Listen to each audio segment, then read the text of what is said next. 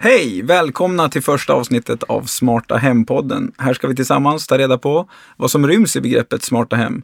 Vi Ska titta vad som finns på plats redan idag i Sverige och i världen. Och så ska vi blicka framåt. Vad kommer finnas i framtiden?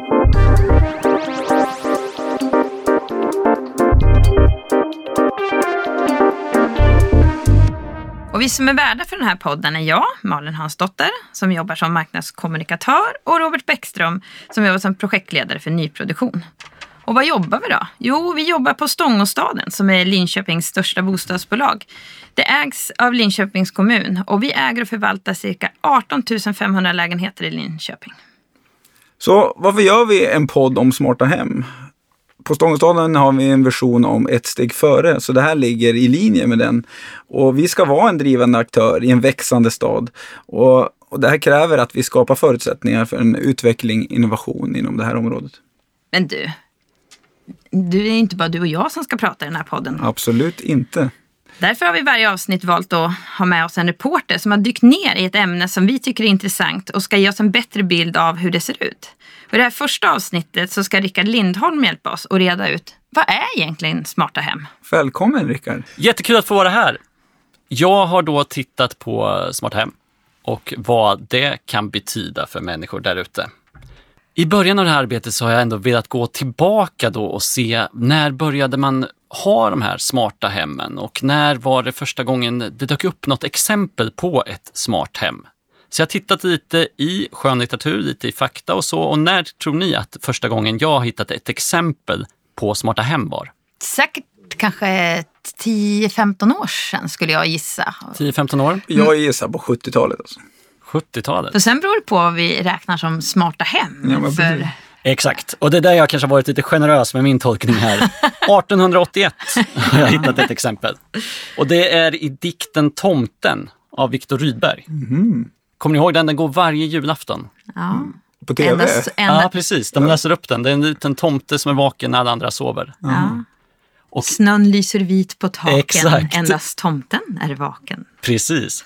Och där är ett exempel på någon, för de ligger och sover, och den här tomten går då runt, sköter om gården, kollar så att allt är låst, kanske eldar lite. Den tar helt enkelt hand om stugan när människorna ligger och sover. Aha, tomten är den smarta. Precis! Istället för att ha teknik, som man ofta pratar idag, så har man alltså magi i den här. Eller en liten skäggig magisk varelse som bor under trappen tror jag. Aha. Men när jag tittade idag så är det inte så många som pratar om just magi när det kommer till smarta hem. Utan nu är det ju mer teknik. Och vi har besökt en kille i Linköping faktiskt, Erik Freiholt, som är väldigt långt fram med att digitalisera sitt hem. Vi kan låta honom berätta. Belysning är ju styrt. Eh, jag styr även hur elbilen laddas. Jag, vi styr gardinerna, rullgardinerna då i barnens rum smart så att när de släcker lampan på kvällen så går rullgardinerna ner och de går upp på morgonen. Eh, Värmen styrs smart i huset. Vi samlar all eh, information om energiflöden i huset på en eh, platta i köket så man kan se ja, men hur mycket solel producerar vi, hur mycket energi går åt till elbilen, eh, hur mycket drar AC-anläggningen, hur, hur mycket lägger vi på tvätt. Eh, nu, nu är inte de eh, energiflödena eh, automation i sig, men det är en del i det smarta hemmet att visualisera eh, ja, tekniken i huset en funktion som vi använder väldigt mycket är att garageporten är automatiserad och det är ofta vi glömmer att stänga den. Ja, men då får man en push-notifikation i telefonen att ja, men du, stäng garageporten, den står öppen. Man kan tänka sig, ja, men varför stängs den inte automatiskt? Eh, ja, men det kan ju ligga cyklar och saker i vägen. Så, så smart är ju inte systemet att den kan plocka bort grejer. Så man behöver anstränga sig lite själv med att kolla, ja men ingenting i vägen, ja men då kan vi stänga den på distans. För det sitter ju kameror självklart också då i garaget. Så kan det alltså se ut hemma och eh, det är lätt att tänka att det här bara är en kille som har köpt massa prylar hem och så är det lite häftigare och lite roligare att sköta om hemma. Men det har ett lite större värde än så. De största värdena med att ha ett smart hem är att vardagen blir lite lättare. lite trevligare, lite, det, det blir lite enklare. Eh, som till exempel att, eh, att vi kan styra belysningen eh, via rösten i vårt hus. Eller att man kan styra TVn via rösten. Man behöver inte, märker man att det lyser i köket om man sitter och tittar på TV, då behöver man inte gå och släcka utan man kan säga till huset att ja, men du, släck köket. Och så släcks köket.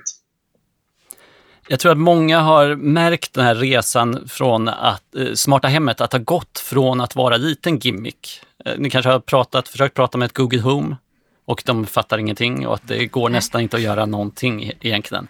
Till att det faktiskt nu kommer fler och fler funktioner som eh, gör livet lite enklare. Och det är en utveckling som har gått väldigt snabbt de senaste åren.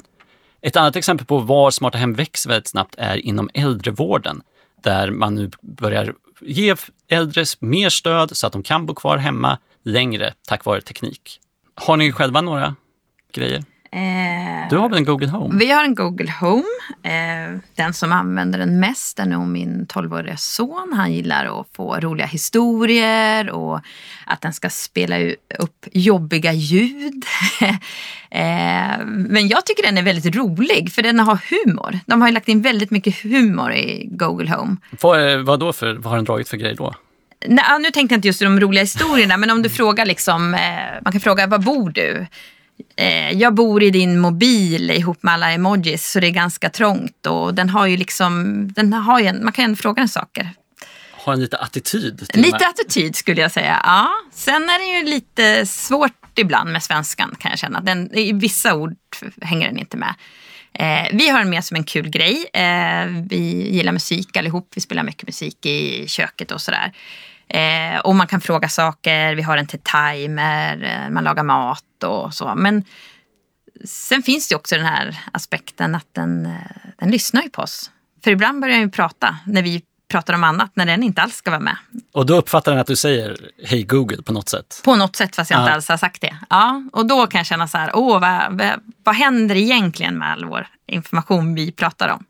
Jag tycker det är väldigt intressant eh, med visualiseringen som Erik pratar om. Eh, just, eh, jag tror det är väldigt viktigt för oss att visualisera saker eh, som energiförbrukning för att bli medvetna.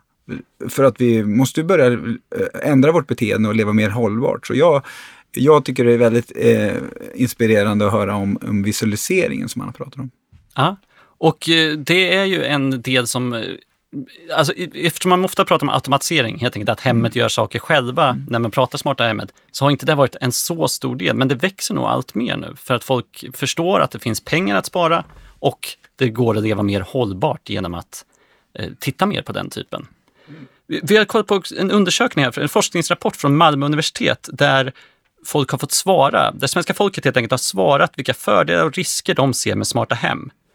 Och då var 93 procent överens om att smarta hem kan göra livet mer bekvämt. Och andra fördelar som lyftes upp var spara tid, energi, det du är inne på där, och förbättrad livskvalitet. Men det som inte lyftes upp där var ju kanske just det här att se hur valen påverkar till exempel energikonsumtionen. Men vi kan lyssna lite mer på Erik berätta om den. Ja, men det, mycket av att vi, vi vill visualisera informationen handlar ju om att man ska få en förståelse för ja, men hur, eh, hur hänger sakerna ihop eh, i huset? Och det kan man säga, ja, men vad spelar det för roll för barnen? Nej, för barnen spelar det ingen roll. Och vad spelar det för roll för min fru? Eh, ja, men det, där kanske det mer skapar en förståelse för att ja, men, eh, tvätten, den tvättar vi en hel dag, ja, men då kostar det faktiskt 10 kilowattimmar. Kör vi ACM på full så kostar det också 10 kilowattimmar och laddar vi bilen så kostar det också energi. Så att det skapar väl en medvetenhet. Det är ju det som jag menar, att, att den här medvetenheten är ju jätteviktig och, och Eh, och vi som eh, allmännyttigt bolag som har hyresfastigheter så, så är det ju en, någonting som vi behöver jobba med mot våra hyresgäster och skapa medvetenheten vad deras vad ett beteende eh, innebär. När man bor i en villa och, och, och då, då ser man ju allting själv. Eh, men, men de här smarta grejerna kan ju hjälpa eh, människan att, att bli med, med, medveten. Ja, jag tror inte jag tror inte alla reflekterar över att vi faktiskt förbrukar saker när man inte ser det på papper. Vi har ju Tekniska verken i Linköping som eh, tar hand om våra sophantering. Eh, och de har ju en app då där man kan få påminnelse om att sop, eh, man ska ställa ut soptunnan och sånt där. Och där kan man se hur mycket så här många kilo har du slängt i år, så här många kilo slängde du förra året, så här många kilo slänger genomsnitts Linköpingsbon. Det där tycker vi är superkul hemma. Vi, vi triggas av det och vilket gör att man rensar sopor ännu mer noga för att liksom få ner. Ja, vi ska ju ligga mycket under förra året och se hur långt ner man kan komma och sånt där. Det är ju inte, det är ju inte smarta hem på det sättet men det är ju det är ju lite sånt Erik pratar om, att man ser man så blir man mer intresserad och kan förstå vad man, man gör. Precis, och som du, att det kan till och med bli lite tävling mot sig själv. Att kan vi dra ner på det här? Och just när det kommer till energi så vet vi att vi har ett elnät som är ganska överbelastat. Behovet av el kommer att öka och det kommer att bli påfrestningar på, på nätet. Ja, och då blir ju frågan, kan man köra tvättmaskinen och ladda bilen samtidigt? Eller kommer det bli för dyrt? För att det då blir sån ansträngning på elnätet. Ja, precis. Jag tror vi måste bli bättre också. Att eh, de flesta slänger på en maskin när de kommer hem klockan fem. Och det måste vi ju inte göra. Vi, vi kan ju tvätta på andra tider. Idag är ju tvättmaskiner relativt säkra. Och, eh, har du bara liksom så du inte stör någon annan, du kan ju tvätta en maskin på natten eller och hänga på morgonen. Det går ju, du kan ju tidsinställa så den är klar tills du vaknar eller någonting. Mm. Jag tror vi måste bli smartare på sådana där saker. Mm. Och nu finns det hjälpmedel. Jag har en app som, som visar eh, den prognostiserade prisbilden för el, elpriset också. Om man är lite prismedveten som jag är så, så, är det ju, eh, så kan man ju se att ja, men eh, klockan eh, fyra i natt så är elpriset eh, så här lågt. Det var ju någon gång i, i vintras så var elpriset minus. Så då eh, så tjänar jag pengar på att ladda min elbil. Nästa steg är att köpa batterier hemma då och ladda ja, det, och sen använda den i energin sen. Ja, precis. Ja. Det blir nästa steg. Men Erik har ju gjort många av de här investeringarna och när man hör så låter det ju bra. Men det låter också som att den här tekniken kan kosta lite. Så vi kollar då med Erik, är det här dyrt Erik? Det behöver ju inte vara dyrt alls. Det beror ju helt på ambitionsnivån. Handlar om att man ska göra några lampor eh, smarta så ja, startkostnaden är väl en dryg tusenlapp. Ska man automatisera precis allting, ja, då är det ju egentligen, finns det väl ingen övre gräns. Men för, för att komma igång med ett smart hem, det behöver varken vara krångligt eller dyrt. Det är ofta lamporna man pratar om med smarta hem. Det var ju en väldigt tidig grej och mm. det är väl där det som blir inköpsporten för många där egentligen. Ja, ibland så kan man tycka att det känns lite onödigt. Alltså lampknappen kan man gå till. Ja, liksom, precis vad jag sitter också och tänker på. Det är bra att röra på sig ibland. Ligga i soffan och ropa på lampan. Du kan ju byta färg på den också. ja, jo, just den. Eh. Ja, men där, det finns så många andra, eh, ja, som man pratar om, eh, tvättmaskiner, diskmaskiner och allt möjligt så, så är det ju, eh, jag tror att, eh, men vi måste börja någonstans. Det är ju, eh, man måste börja i det enkla och det är ju det här med kostnadsbilden. den kommer ju gå ner ju mer vi, ju mer vi köper och mer vi utvecklar det. Ja, sen tror jag ju, lamp, om vi har nu lampor som exempel så eh, kan du se till att har ingen rört sig på övervåningen på visst antal eh, minuter eller vad det nu kan vara. Då, då släcks det i sådana utrymmen där det kanske inte behöver stå tänt. Då tycker jag den där tekniken är bra. Men kanske inte att ligga i soffan och kapa på lampan i köket. Men ja, Nej, men och, jag menar, det är väl eh, med, ur säkerhetssynpunkt också är det ju många som har jobbat med timer på, på eh, lampor i fönster och så här. Och, och, med den här tekniken så kan du ju vara borta vid sommarstugan samtidigt som du tänder alla, alla lampor. Så, här, så, att, mm. så det, det, finns ju en säkerhetsaspekt eh, som är väldigt intressant. Allt ansvar ligger inte heller på privatpersoner, utan det är ju allt fler fastighetsägare som bygger in smarta lösningar från start i sina projekt. Jag vet inte, ni kanske gör en del sånt på Stångåstaden nu också va? Ja, vi, vi har ju ett eh, projekt Ebbe Park där vi försöker testa så mycket nya grejer som möjligt då, utifrån de förutsättningarna som finns. Då, så, så att vi testar lite nya sätt att eh, jobba med fiber hela vägen in och att alla eh, datauttag är aktiva i lägenheterna för att eh, kunna förbättra smarta hemfunktioner så att säga. Och, eh, vi försöker titta i varje projekt om innovativa grejer. Då, så att säga. Mm. Och i Göteborg så finns HSB Living Lab som jag tror du Robert har besökt någon gång. Ja, det besökte vi för två år sedan i samband med det här projektet Ebbe Park som jag pratade om. eh, Där vi försöker hitta inspiration och vi ska försöka ha ett living lab också i Ebbe Park. Hur funkar det då? För det är ju människor som bor i det här. Går ni bara in till personerna då? Ja, det, Eh, det finns ju någon eh, typ deal att, eh, att, att man måste ta emot besökare då och då. Liksom, och, eh, det finns ju privata delar också där man inte kommer in. Då, men de har ju generösa gemensamma utrymmen som man framförallt tittar på. Då, liksom. Men, men det, bo, det bor ju folk där och det testas ju löpande eh, olika teknikgrejer. Då. Vi kan lyssna lite på eh, hur de själva berättar om det. Eh, jag heter Emma Sarin och jag är projektchef för HSB Living Lab. HSB Living Lab det är ett experimenthus. Eh, det är en fastighet som står på Chalmers i Göteborg och här bor nästan 40 personer permanent samtidigt som hela huset är ett laboratorium. För här pågår forskning kring framtidens hållbara boende dygnet runt. Eh, det är egentligen en samverkansarena, det är en öppen arena där alla är varmt välkomna att ansöka om att forska och utveckla framtidens hållbara boende tillsammans med oss. Jag har kollat lite på siffrorna runt det här. De har 2000 sensorer i 29 lägenheter. Så man mäter egentligen allt som händer i huset. Och det är mycket fokus på hållbarhet, men många av de här projekten ligger inom smarta hem-området. Jag kan bara dra några exempel på vad man tittar på. Flyttbara vägguttag med energimätning, belysningsstyrning med närvarodetektering, som du var inne på med övervåningen lite, och temperatursensorer, lite så att man kan hålla jämna temperaturer. Det är också smarta brandlarm. Det är en konstig grej idag egentligen att om det börjar brinna hos grannen så är det inte säkert att du får den informationen. Här testar man att koppla ihop dem så att om det börjar brinna i närliggande så kommer det också säga till lägenheterna runt omkring att det kan vara fara. Och en annan grej som vi var lite inne på tidigare, sophämtning. För att just mäta. Idag hämtades soporna lite för ofta och det blir också en eh, klimatpåverkan i onödiga resor. Så det är, eh, hos dem så mäter man och ser till att det hämtas i precis rätt tid. Man tittar också på var, hur användarna själva helst vill styra sitt hem. Kan det vara via en app eller vill man ha en knapp i lägenheten? Så det är några av de experimenten. Det är väldigt mycket man gör där och eh, som sagt så är det människor som alltså bor i det här och hela tiden rör sig, testar och utvärderar. Skulle ni kunna tänka er att bo i en testmiljö? Absolut. Jaha. Jag, är- jag är lite mer tveksam, men eh, jo, men ett tag ska jag nog kunna tänka mig. Jag skulle det vara jättekul. Särskilt att bo med andra barnfamiljer. Eh, lite som kollektiv fast ändå... Nu har inte jag varit på besök här men jag har ju läst mycket om det och sett det på nätet. Eh, tror man skulle ha otroligt utbyte av, av varann och lära sig saker. Och, Och du vill att ge upp eh, den informationen om dig själv för, för forskningens bästa?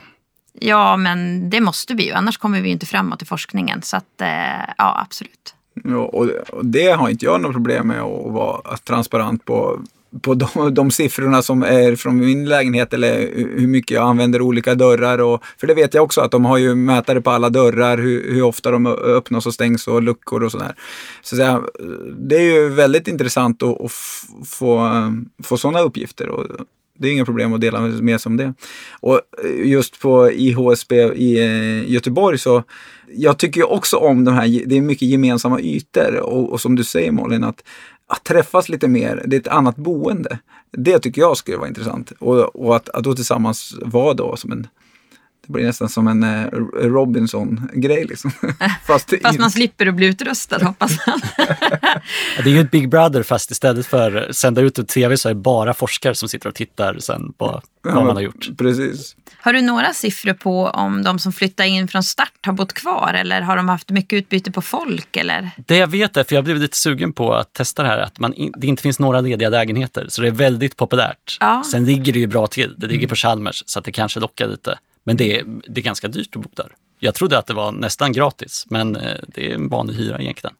Ja, fast du får ju väldigt mycket för hyran tänker jag. Alltså det man har sett, jag har ju bara sett filmer och det ser ju väldigt eh, schysst ut. Det ser schysst ut men det är ju, du blir lite störd också. Så att säga. Du, det nallar ju på privatlivet lite grann. Ja. Och det är ju olika. Det är, här är ju en öppen eh, testmiljö så att det är ju företag som kommer in och vill testa något nytt helt plötsligt. Ja. Och eh, det, tekniken byts ut hela tiden. Man testar olika lösningar och eh, många olika projekt hela tiden. Så det är svårt att lyfta några som varit eh, mer framgångsrika än andra, några som redan nu kanske finns ute på marknaden. Däremot så eh, har man sett en gemensam nämnare för de här lyckade projekten. Och vi kan lyssna på Emma här, vad hon säger om det. Det viktigaste är ju egentligen att det finns en duktig och engagerad projektledare. Det ser vi ju skillnad på. Vi har startat ungefär 100 projekt. Eh, och en del projekt som behöver interagera med de boende lyckas inte så bra med att få deltagare och en del lyckas till 100 procent. Eh, och nyckeln där är liksom att man eh, dels är duktig på att informera och även att få de som ska delta att förstå relevansen. Varför gör vi det här? Det är nästan det viktigaste. Och sen såklart finnas och stötta hela vägen genom hur man ska använda det. Och det här är nog ett ganska vanligt problem med smarta hem, att om man inte förstår lösningen eller syftet så är det ganska svårt att engagera sig i någonting. Och framförallt när man bor i sån miljö där det kanske kommer in nya projekt hela tiden så är det nog viktigt att lyckas förklara. Det är någonting man också ser i studien från Malmö universitet, att lösningarna behöver anpassa sig runt deltagarnas behov, känslor, motivation eller mål för att det ska vara intressant för användarna. Det är nog liksom också bor man så är man ju redan lite utsatt eller man säger. Och då kommer in då ett projekt som tar av min tid som är det mest värdefulla för människor, anser jag i alla fall. Eh, då blir det ju jobbigt om inte någon håller ihop projektet och det förstår jag. Eh, men har man ett tydligt syfte och varför man gör det, då kanske man är villig att ge sin tid till det. Vi har varit väldigt positiva här nu och bara nästan lyft fördelar med smarta hem. Det finns ju vissa orosmoment också. Mm, det gör det. Och integritet är ju svårt att komma runt. Som vi var inne på med det här forskningsprojektet och som du pratade om, Google Home. Hur mycket lyssnar tekniken på oss egentligen? Över 60 procent av de som är tillfrågade i den här studien från Malmö universitet är oroliga över att av, övervakas i hemmet. Det är Erik som ändå har kopplat upp sig. Vi kan lyssna på hur han känner inför den frågan. När det gäller säkerhetsrisker så är det också en ytterst relevant eh, fråga och där får man väl eh, fundera på vilka vilka teknik ska man använda? Vilka leverantörer litar man på? Vilka system kopplar man upp sig mot? För många system systemen kan man ju koppla ihop med varandra. Eh, ja, och man kanske inte vill koppla upp sig mot små okända leverantörer i Asien. Vad, hur ser deras säkerhetsarbete ut jämfört med att välja stora kända leverantörer? Eh, Eh, man kan ju se röststyrning till exempel av en Google. Eh, ja, vill man dela med sig av, eh, av information med dem? Ja, det är ett ställningstagande man får göra. Så vi kanske inte kan komma undan det, utan man måste helt enkelt vara medveten om att den risken finns och att det samlas in information av de här stora.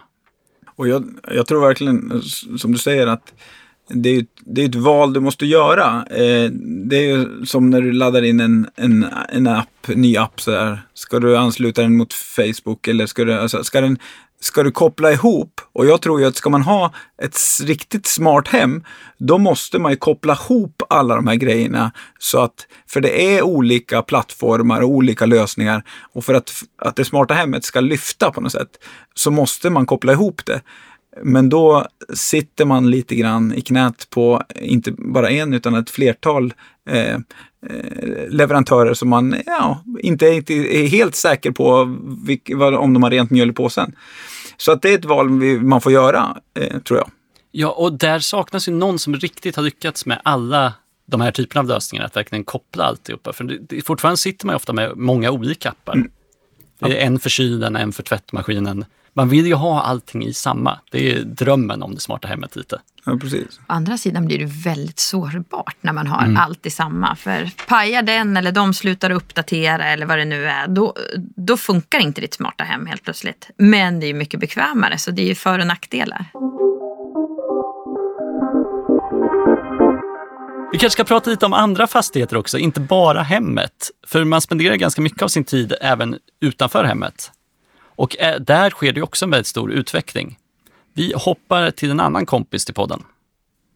Johan Granton heter jag, jobbar på Siemens och är ansvarig för ett affärsområde där som jobbar med smarta och digitala fastigheter. Jag, jag tror den, den i folkmun så att säga så pratar man om, om, om smarta hem eh, väldigt mycket utifrån eh, din bostad så att säga. Eh, sen kan man ju egentligen säga att principen är densamma, det vill säga det som har kommit inom hemautomation och smarta hem intelligenta glödlampor, olika typer av IoT-givare.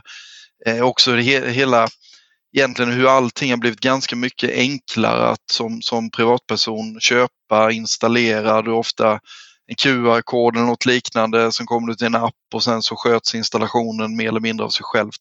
Det har blivit ganska enkelt att göra smarta saker. Det i en kommersiell fastighet skiljer sig lite åt. Dels är ju systemen lite mer komplexa och har lite andra, andra eh, både förutsättningar och kanske att en kommersiell fastighet också har lite större behov. Eh, så att på något sätt så, så blir det kanske inte alltid lika enkelt att göra det i en, i en kommersiell fastighet. Sen har man ju kanske lite andra typer av aspekter att ta hänsyn till i en kommersiell värld med säkerhetsaspekter och så vidare och du har ofta liksom högre krav också på en kommersiell fastighet vad det gäller olika typer av eh, olika typer av nivåer av mätvärden eller vad nu än är. För en lägenhet eller ett hus är egentligen ganska begränsat. Du kan ju bara göra så mycket. Det är en ganska liten yta. Du har att jobba med ganska få personer som rör sig där. När det kommer till kommersiella fastigheter, där kan du verkligen få ut potentialen av de här smarta lösningarna genom att mäta, samla in data och se om du till exempel har en butik, hur dina kunder rör sig och liknande. Även i ett fastighetshus så finns det väldigt stora möjligheter att se lite till exempel energianvändning och anpassa sig, antar jag. Ja, eh, har man kommersiella lokaler eller fastigheter så, så tror jag också att det är enormt bra och viktigt och kanske kontorskomplex. Och, ja, vi träffade ett företag som jobbade mycket med, med mätning och de mätte hur, hur mycket stolar flyttades och hur många som var i varje konferensrum. Och det visade sig att liksom 100% av konferensrummen var bokade men men 15 procent användes och i, i dem användes eh, 20 procent av stolarna. Det vill säga att man hade en enorm överkapacitet på kontor eller på konferens och konferensstolar. Och, och sån här mätning må, kommer att göra att vi kommer vara mer effektiva i våra, eh, våra lokaler. Så det tycker jag är jätteintressant och även eh, liksom Eh, när man går och handlar liksom och redan nu när man går och handlar på mataffärer att att man ställer in att nu är jag i den här affären och då kommer inköpslistan eftersom jag går i affären. Eh, alltså det är ju smart liksom. Det är ju det är klockrent. Det är ju förenklar ju livet eh, enormt. Ja, det här överlag med hur mycket yta vi har i våra kontor. Alltså göra om till aktivitetsbaserade kontor så är det otroligt mycket yta som försvinner. Fast det börjar komma lite forskning nu att det där är inte så bra för alla. Men, eh, alla, hat, alla som jobbar i det hatar väl det? Eh, ja, eh, men yteffektivt är det ju bra. Ja. Men, eh, men någon, något slags mellanting. Eh, jag skulle kunna dela skrivbord med någon. Jag är mycket ute och, och hit och dit på dagarna och sådär. Eh, men jag har ju min plats. Den står ju tom där när jag inte är där. man kanske kunde hitta någon kombination av det där aktivitetsbaserat fast man ändå inte på någon vänster. Jag vet inte. Mm. Vi kan höra lite mer om Johan, vad de håller på med på Siemens. Utifrån från vårt perspektiv och, och det jag ser så handlar det väldigt mycket om att egentligen tillvarata de tillgångar som redan ofta finns installerade i Faster genom att använda datan på ett eh, smartare sätt. Att se saker på ett nytt sätt och att på det viset komma till nya konklusioner. Det kan handla allt ifrån om att energieffektivisera som, som ett ganska vanligt eh, och görs ganska ofta idag men det kan också handla om många andra nya ty typer av tjänster eh, som man kan skapa med hjälp av datan. Det här blir intressant vad som faktiskt kan hända med kommersiella fastigheter i och med att du nu har mer data och mer fakta på hur lokaler används och så. Jag tycker det var spännande det du sa om konferensdelen till exempel, att det faktiskt visar att man använder 15 procent trots att 100 procent uppbokat. Mm. Många kronor som har gått till att värma upp tomma rum helt enkelt. Nej, men i och med att det finns smarta lösningar på ventilation och värme och, och ljus och sen kan ni känna av att det är, det är, jag som kommer in i rummet och jag brukar tycka om att det är 18 grader varmt i mitt kontor. Så det, det, allting går ju att styra och, och det går ju att känna av eh, så mycket. Eh, både både vem man är och eh, vilket behov man har för rummet och det tror jag vi kommer använda mer. Det behövs ju mer. Jag, jag, jag älskar att gå på bio och är man Ibland är det kanske någon film om man är två i hela biosalongen och man håller på att frysa ihjäl. Man bara sitter med jacka och liksom superkallt. Och är det fullsatt i salongen så mot slutet ska, så har man, är det ingen luft kvar. Då är man ju helt slut. Det är ju ett typiskt ställe där de inte alls jobbar med att mäta hur många vi gick in och och där vet de ju hur många biljetter de har sålt innan. Så det är, det är superlätt. Ja. det är bara att ställa in hur, ja det är två i salongen, då sätter vi en temperatur som är behaglig för dem. För det är inte behagligt att gå två personer på bio. Mm.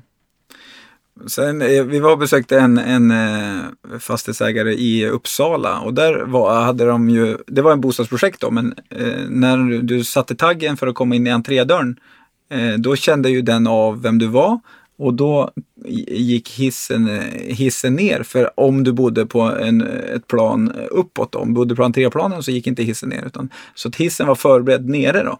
Men det kan man ju tycka vad man vill. Man kanske vill att folk ska gå i trappor istället. Så att, eh, men, Idén är ju bra. Idé, alltså det finns ju mycket möjlighet och det, det kommer ju med ansiktsigenkänning i butiker säkert snart också så man vet precis vad vart man ska vägledas liksom beroende på vad, vem, vem, som kommer in så att säga. Exakt, du kan koppla din shopping på nätet till vad du har tittat på på nätet till vad du kanske är intresserad av i butik ja. och visa vägen helt enkelt. Ja. Det, vi kommer dyka ner mer i de här ämnena i senare avsnitt och gå, bli lite mer detaljerade. Det blir lite överskådligt här i första bara. Mm. Men det finns ju väldigt mycket intressanta projekt inom de här områdena. Jag tänkte vi kunde avsluta med lite framtidsspaningar. Och vi låter då våra experter här som jag haft med oss på intervju eh, berätta lite vad de tror om eh, framtiden. Vi börjar hos Erik Freiholtz. Ja, allt fler smarta hem kommer helt eh, klart att finnas i framtiden och tekniken kommer nog vara mycket som i mitt hus. alltså mitt hus är redan idag. Att den finns där i bakgrunden men man behöver inte interagera med den aktivt utan den finns i bakgrunden och stöttar och gör livet lite smartare, lite trevligare eh, samtidigt som det ger möjlighet att spara energi. Jag tror inte att precis allting kommer att vara uppkopplat om ett par år men när, när det tillför mervärde eh, så kommer ju saker att bli smartare. Över till Johan. Det känns som att det verkligen bubblar i den här kitteln på, på ett sätt som det inte har gjort tidigare och jag är helt övertygad om att det kommer gå ganska fort. Och när på något sätt stjärnorna står rätt så helt plötsligt så kommer det här bli precis som det har blivit för mobiltelefonin eller, eller digitala industrin. Då helt plötsligt börjar det ske. Så att jag, jag tror det viktigaste just nu för alla som deltar i det här på något sätt det är ju att, att inte ge upp utan fortfarande tro på att det här är rätt väg att gå. Och sen så gäller det att hitta vägarna runt de eventuella hinder och så vidare som finns och, och jobba tillsammans för att lösa det. Och till slut nu hos Emma på HSB Living Lab. Mycket kommer handla om data. Både för att bygga husen smartare, drifta dem smartare, bo i dem på ett bekvämare och mer hållbart sätt. Det är väldigt många som är intresserade av det smarta hemmet nu. Eh, och det är väldigt många som försöker ta en större bit av kakan än vad de kanske ursprungligen var inne på. Ehm, så internetleverantörer försöker ta en större bit, brandvarnarleverantörer försöker ta en större bit. För, för det är många som vill åt datan som faktiskt genereras i en bostad i det smarta hemmet. Eh, så vi, vi, vi får se många smarta lösningar framöver eh, och många som kommer vilja ta ett större grepp om det smarta hemmet. Vi befinner oss egentligen bara i början helt enkelt. Vi alla tror att det här kommer öka och att det kan gå väldigt snabbt nu det går ju också mycket snabbare när eh, jag tänker Ikea har ju lanserat eh, elektriska eh, rullgardiner. Eh, och eh, de har ju nu sitt ljudsystem. Eh, när det kommer till ett ställe som Ikea som alla handlar på går det ju mycket lättare och fortare att få ut eh, smarta hemprodukter tänker jag. Och är det fler större aktörer som, eh, som hakar på så kan ju utvecklingen gå ganska fort. Och priserna blir ju lägre när det blir fler som använder det.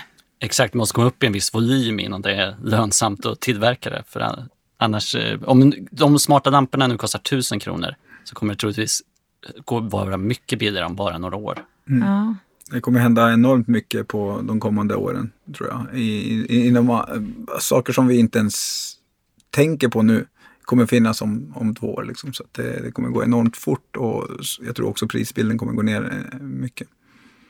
Det är också intressant just där att vi kanske inte ens vet vad som kommer att komma eh, i framtiden. Nej. Jag är väldigt förtjust här Henry Ford-citatet eh, när de som byggde bilen då, Ford. Att eh, hade vi frågat våra kunder vad de ville ha så hade de sagt snabbare hästar. Ingen kunde se att det skulle komma en bil. Och det är väl där vi kanske befinner oss med smarta hem idag. Absolut. Vi kanske får en mikro som kan ställa om till sommartid själv i framtiden. Vi får Det, se. det tror jag är för höga krav. Varje gång man kommer hem till morsan får man ställa om eh, ugnsklockan, mikroklockan, radioklockan. vi ska väl avskaffa sommartid? Det Ja, ja, det- men det är då det är löst. liksom. Ja, precis. Vi kunde inte lösa mikroklockan. Nej, så vi, vi tar bort sommartid. Ja. Du har nu lyssnat på första avsnittet av Smarta Hem-podden med mig, Malin Hansdotter. Och mig, Robert Bäckström. Vår reporter i Smarta Hemvärlden var Rickard Lindholm och för research och intervjuer stod Lina Somorodi. Podden ges ut av Stångåstaden och produceras av Chimney. Tack för att just du lyssnade på oss idag. Tack så mycket.